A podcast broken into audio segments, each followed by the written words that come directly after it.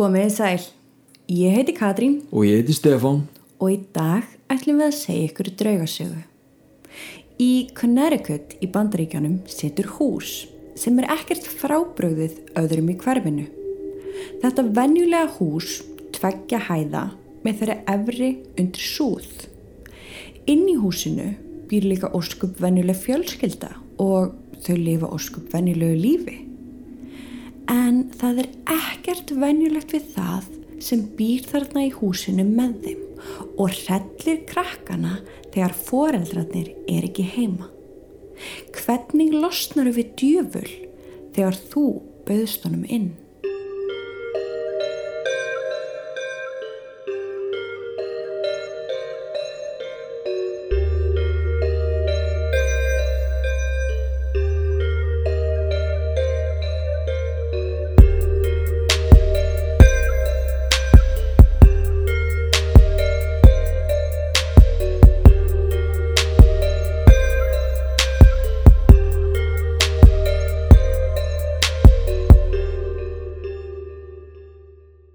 Byrjum sögun okkur í dag á hjónunum Ed og Lorraine Warren.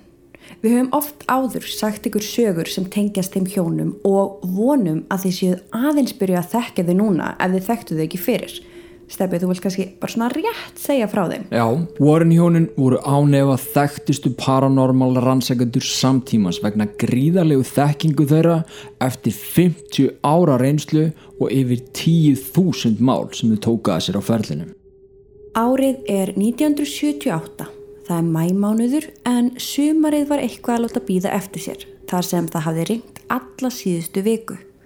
Lorraine hafði ætlað að hefja gardvinnu þennan mánuðin en hafði ekkert komist í það sögum veðurs og þessi helgi var engin undantekning. Þau hjónin eittu þessum gráa laugardegi innandira. Þau voru að gera sig klár fyrir ferðalag til Englands en þau voru vön að ferðast út um allan heim vegna vinnu sinnar. Um kvöldið ákveðu nú samt að brjóta aðeins upp daginn og fara út á borða á matslustað í grendinni. Þegar þau snúa heim kíkja þau á símsvaran sinn, hver mann ekki eftir símsvara, Hm, alveg rétt.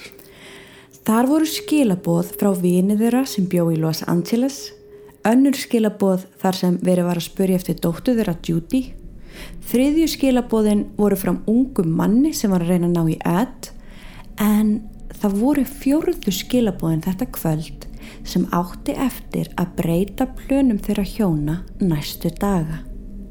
Skilaboðin byrja óskýr. Það er eins og síminn sé ekki að ná sambandi, miklu skruðningar. Síðan heyra þau lága rödd segja. Ég vona að þið geti heyrt í mér. Ég veit ekki alveg hvað er að gerast hérna. En börni mín hafa verið lamin og eld af einhverjum ósynilegum öflum. Það er einhver inn í húsin okkar. Það er einhver inn í einu barnaherberginu. Viljið þið ringi mig tilbaka? Ég veit ekki hvað ég á að gera. Ed og Lorraine hlustuðu í þögn á skilabóðin frá þessari konu. Þrátt fyrir að klukkan væri eftir miðnætti ákveður Lorraine að ringja tilbaka en það var eins og símin væri ekki tengdur. Hún reyndi fjóru sinnum og í eitt skipti var svarað en hún heyrði ekkert á hinum endanum nema þungan andadrátt síðan var skellt á. Já þetta er vist ekkit opaslega óvænulegt að þetta gerist. Þetta hefur vist gerst oft áður hjá þeim þegar þau eru að fara að rannsaka mál. Já, það er eins og að sé eitthvað að reyna að koma í vekk fyrir samskiptin á milli og hindri aðkomu þeirra. Bökkum samt aðeins aftur í tíma núna um nokkra Ok. mánuði Ok, og fáum að kynast fosterfjölskyldunni. Fosterhjónin Al og Sandy byggu líka í Connecticut en þó í allt öru hverfi en Warren hjónin. Þau áttu þrjú börn. Það var Megan sem var elst 15 ára, Joel 14 ára og svo yngsta dóttir þeirra Erin sem var 11 ára. Sandy var heimavinnandi en Al vann í ráftækjaverslun. Sko, það er ekki mikið hægt að finna um fosterhjónin. Mögulega hafa þau reynd að fela slóð sína eftir þetta atvik. En það sem við vitum er að Megan dóttir þeirra var mikil áhuga manniska um galdra, drauga og djöfla. Ok, ég persónlega var líka mikil áhuga manneskja um þessa hluti þegar ég var á svipu um aldri. Já. en ég fór í þetta áhuga mál með mömmu minni. -hmm. af því ég hafði sjálf alltaf verið næm og hún líka. Það var þetta eitthvað sem við skoðum saman þegar ég var úlingur það er stór hættulegt að segja við barnið þitt já, hefur áhuga á djöflum? Hér er bókanda þér sem kennir þér aðferðir til þess að vekja upp 75 mismunandi djöfla. Skemmtu þér vel Fáránlegt, en já, En það var akkurat það sem Foster hjónin gerðu á aðfangadag 1977, sem sagt aðeins fimm mánuðum áður en hér er komið sögu. Megan átti alls konar bækur eða rauninni bara lítið bóka sapn inn í herberginu sínu um svona andleg málefni og nýjasta bókin hennar var einmitt um djöbla. Strax í desember og í byrjun janúar fer hún að fykta með þessa bók. Reynir að gera alls konar ritual en aldrei gerðist neitt. Á endanum fekk hún leið á þessu því að þetta var greinlegt að virka og bókin fór upp í hillu hliðin á hinum. Foreldrarnir, Al og Sandy voru mjög virk í félagslífinu og áttu það til að fara út að hitta vini eftir kvöldmatt á virkum dögum og skildu þá börnin sín þrjú eftir heima. Ok.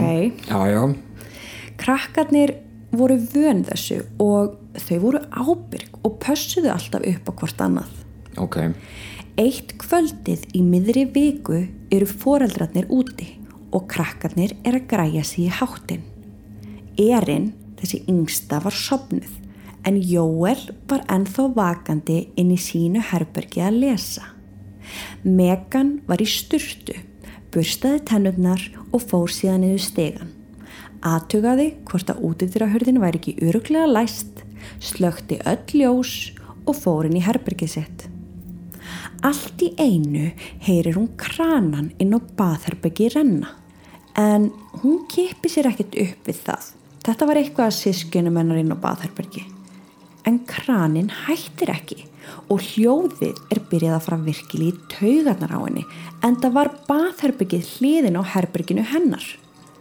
Hún stendur upp, gengur inn á baðherbyggi og slekkur á krananum.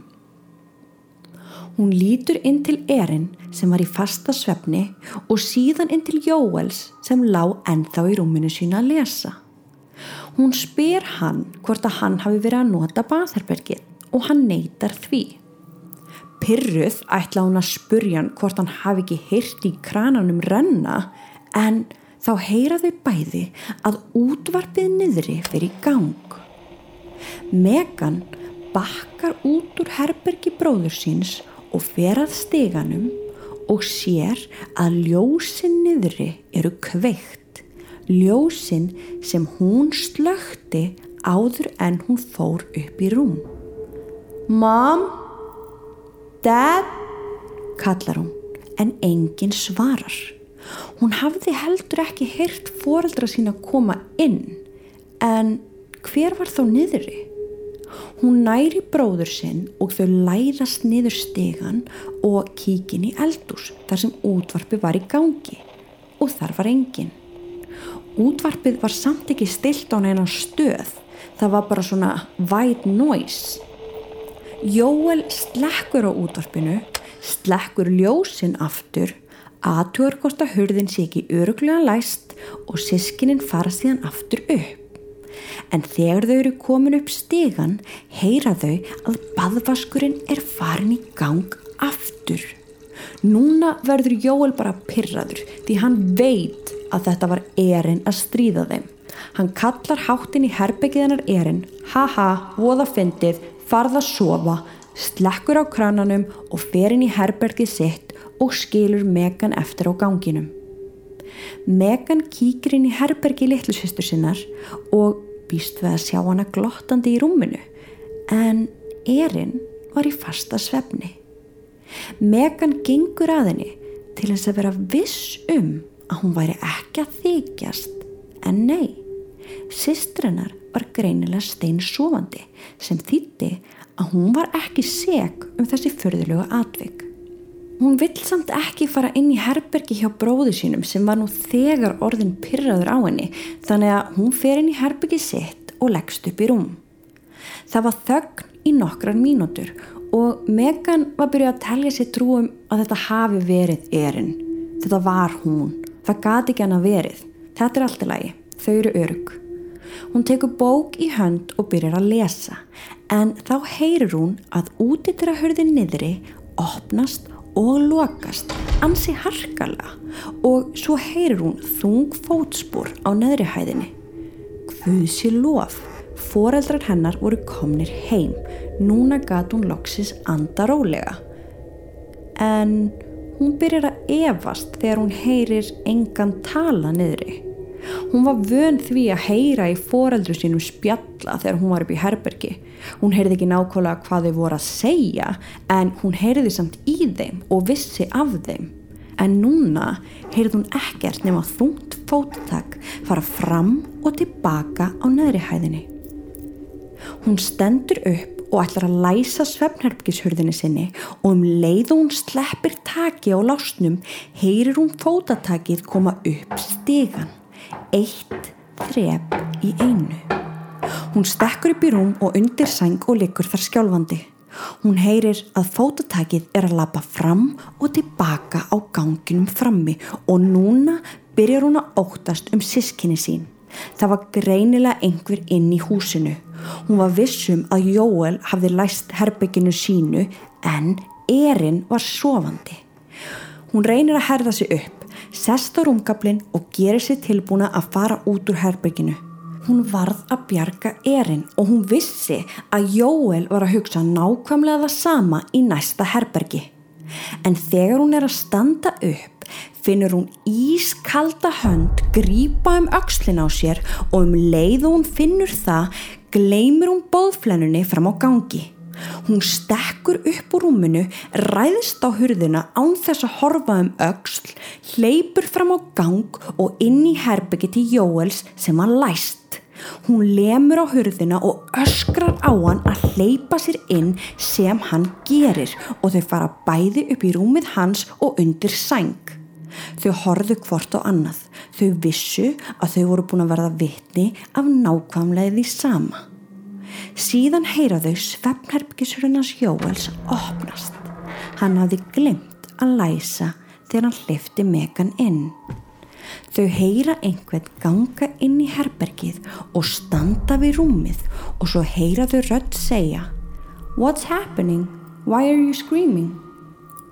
Þau líta undan sænginni og sjá erinn standa við rúmkablin með stýrur í augunum. Þau ringja í foreldra sína sem komu stuttu setna en þegar þau komu loksins heim var allt hljótt. Börnin reynda útskýra fyrir foreldru sínum að þau hefðu heyrt í útvarpinu og eins og einhver var að lappa niðri en Al og Sandy áttu erfitt með að trúa þeim en það var engin annar í húsinu og engin merki um innbrott. Já, það er merkilegt að einmitt Lorraine Warren segir sjálf að öll börn sé svona clairvoyant eða með skignis hæfileika líkt og hún eða allt til 12 ára aldurs þegar það fer svo dvínandi. Þannig að ef að börnin sjá eða finna eitthvað ekki útilokað endilega í kvelli. Alls ekki, en þessi krakkar þau eru alltaf aðeins, þau eru 14 og 15 ára sem þýðir samt líka það maður ætti að trúa þeim. Veist, þau, þau eru alveg það gömul. Svolítið stálpuð þannig að þau eru svolítið marktæk líka. Einmitt. þetta var eitt atvik sem fosterbörnin lendu í. En þau lendi ótal sambarilegum atvikum áður en þau ákveða að leita sér hjálpar. Og í annarskipti voru börnin aftur ein heima en í þetta skipti voru það engungum Megan og Jóel ég er ekki alveg viss um hvar erinn var okay. en hún var allavega ekki í húsinu. Ok, þannig að þau voru bara tvö þarna þessu elstu. Atvik nummer tvö byrjar svipað. Þau voru að koma sér í rúmið. Foreldrarnir voru aftur úti að hitta vini. Megan var inn í herberginu sínu en Jóel var að koma úr styrtu Þegar hann gengur út af baðherberginu heyrir hann útvarpið fari í gang en í þetta skipti heyrði hann ekki bara white noise heldur var verið að skipta um stöðvar í sífellu.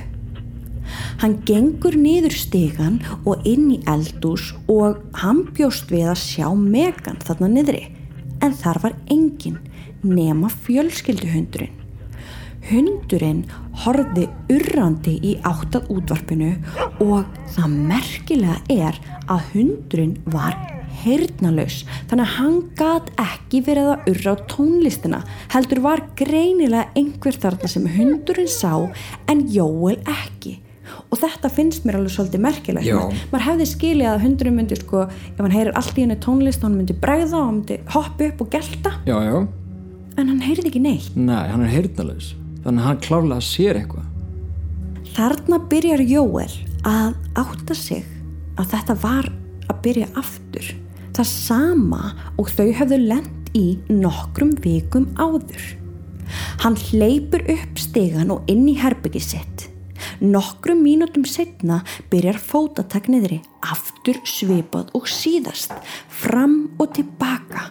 Nefn í þetta skipti voru þau svo hávær að Jóel leið eins og húsið hristist til og síðan heyrir hann eins og einhver sé að taka upp húsgögn og henda þeim í veggina. Jóel verður stjarfur úr hræðslu. Hvað sem var þarna niðri var greinilega búið að sapna upp meiri styrk, meiri orku heldur en seinast því það var raunverulega eins og einhver væri að brjóta og bramla allt húsið. ok, erum við kannski að tala um poltergeist hérna Nei, nefnilega ekki. Sko, Megan hleypur inn til bróður síns og þau ákviða í sammenningu að þau verða að koma sér þaðan út. En þau vildu alls ekki fara niður stegan þar sem lætin voru. Þannig að þau reyna fyrst að klifra út um gluggan en átta sér fljótlega á því að það var ómögulegt. Þau ákveða þá að hlaupa eins rætt og þau geta út úr herbyrginu og niður stegan. Jóel opnar hurðuna og hleypur af stað og Megan á eftir honum. Þau hlaupa niður stegan og fram hjá látunum.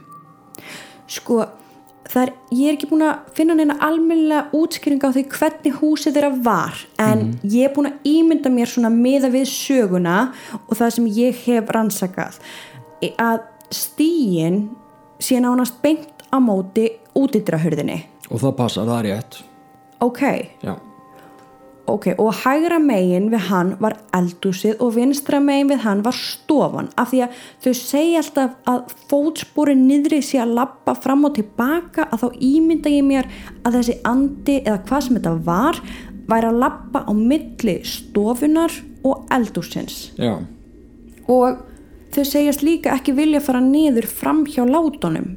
Þá hlýtur útidrahurðin að vera einhvers staðar á milli eldúsins og stegans ekki satt það passar hjá þér veit ekki alveg hvort að eldúsið sé Nei. hægra megin eða það skiptir ekki öllu en jú, hörðin er beint á móti steganum og stíin liggur upp að herbyggjunum á efri hæðinni Ok. Jóel öskrar á sýstu sína að líta ekki til hliðar heldur horfa beint áfram. Megan fylgir bróðu sínum og lætin verða herri og herri. Þau eru komin af útidrahörðinni og Jóel er að opna lásin þegar Megan sé risastóran massa nálgast sig hægra megin frá. Akkurat á sama tíma nær Jóel að opna hörðina og þau hlaupa út. Úti var niða myrkur og þau bara á náttfötunum þannig að þau ákveða að hlaupa í verslununa sem var handa við hornið.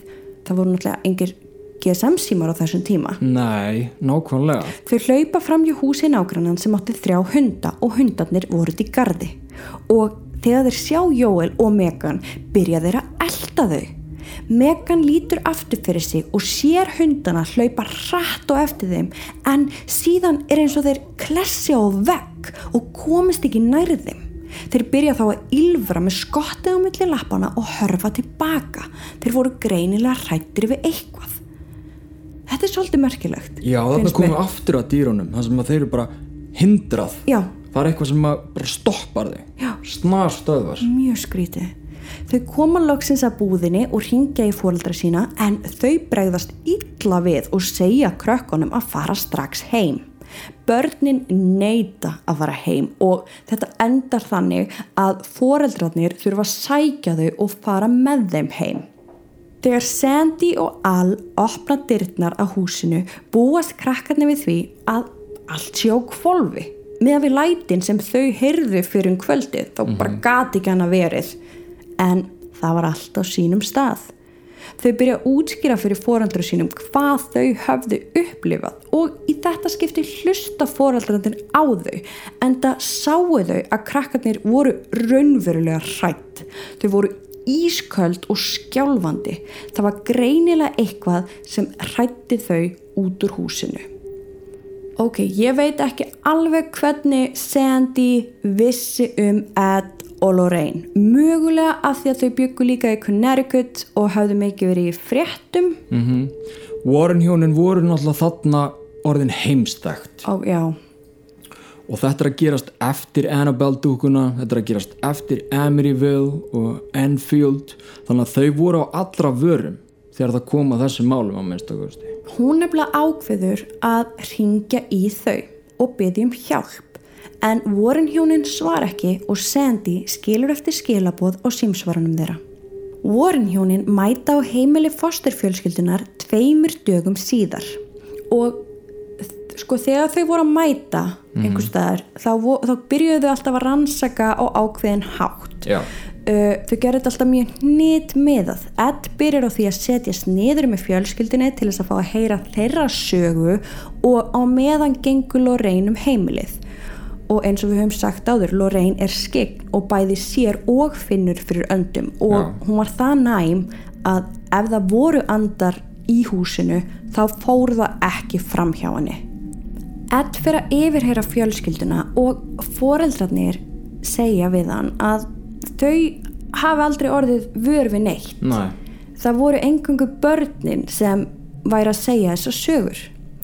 Ed snýr sér þá að börnunum og fyrir að spurja þau.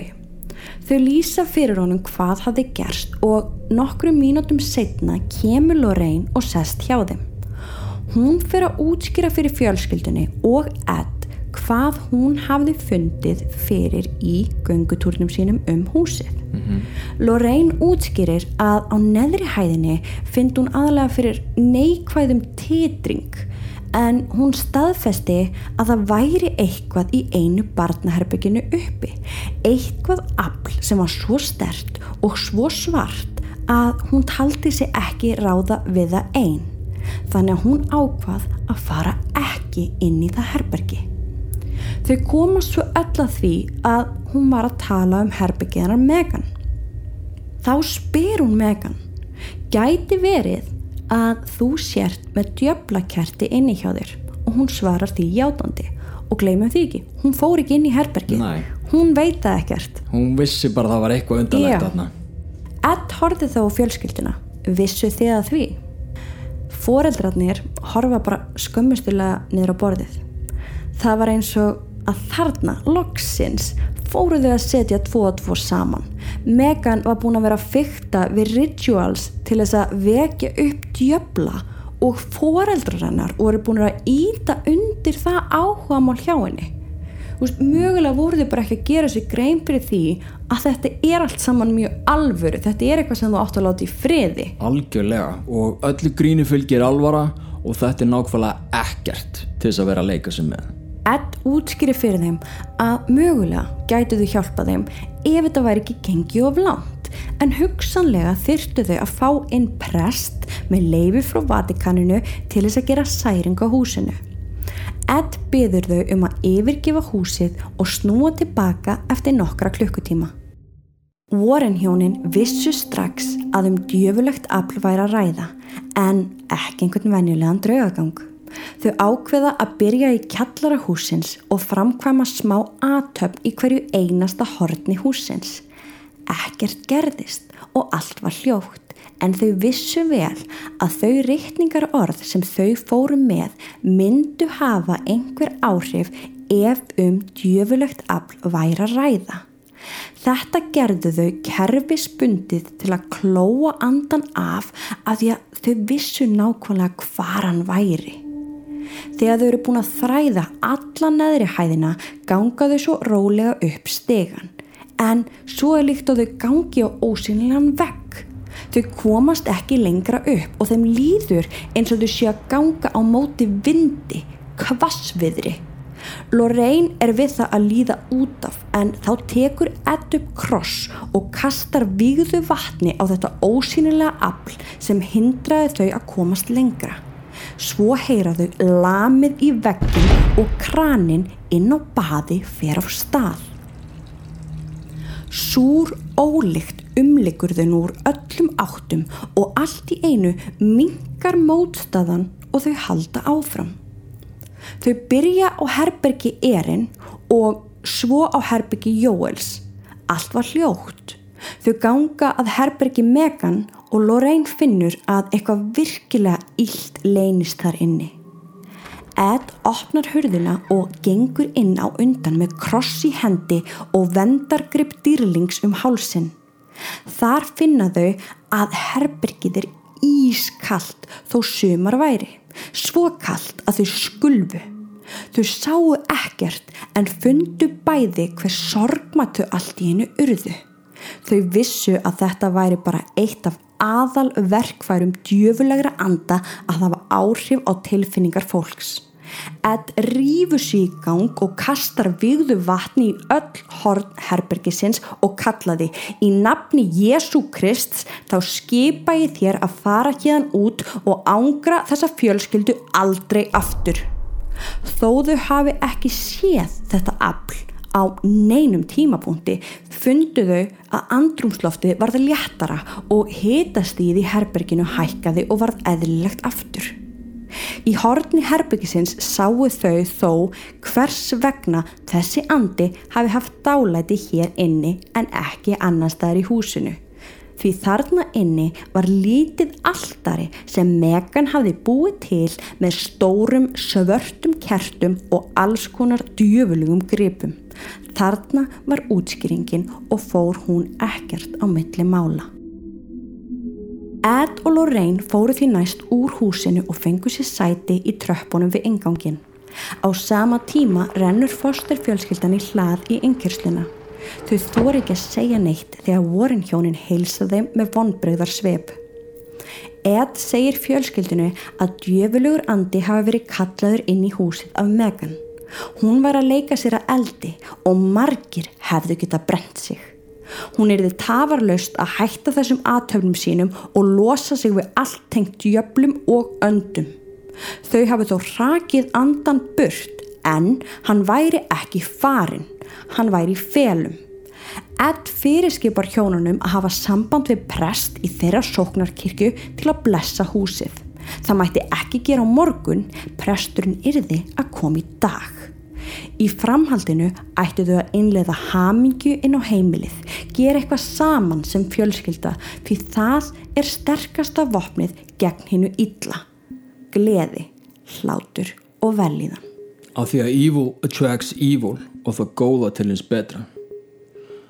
Það sem fosterfjölskyldan gekk í gegnum sumarið 1978 var alls ekkert einstæmi. Nei að því að samkvæmt vorunhjónunum þá mátti rekja 90% af öllum þeirra málum þar sem aðstóðir af róskað til andaglasa eða álíka samskiptilega við anda hvort sem það var viljandi eða bara leikur Því það, það geta í rauninni allir hvað segir maður, það geta allir mögulega mm -hmm.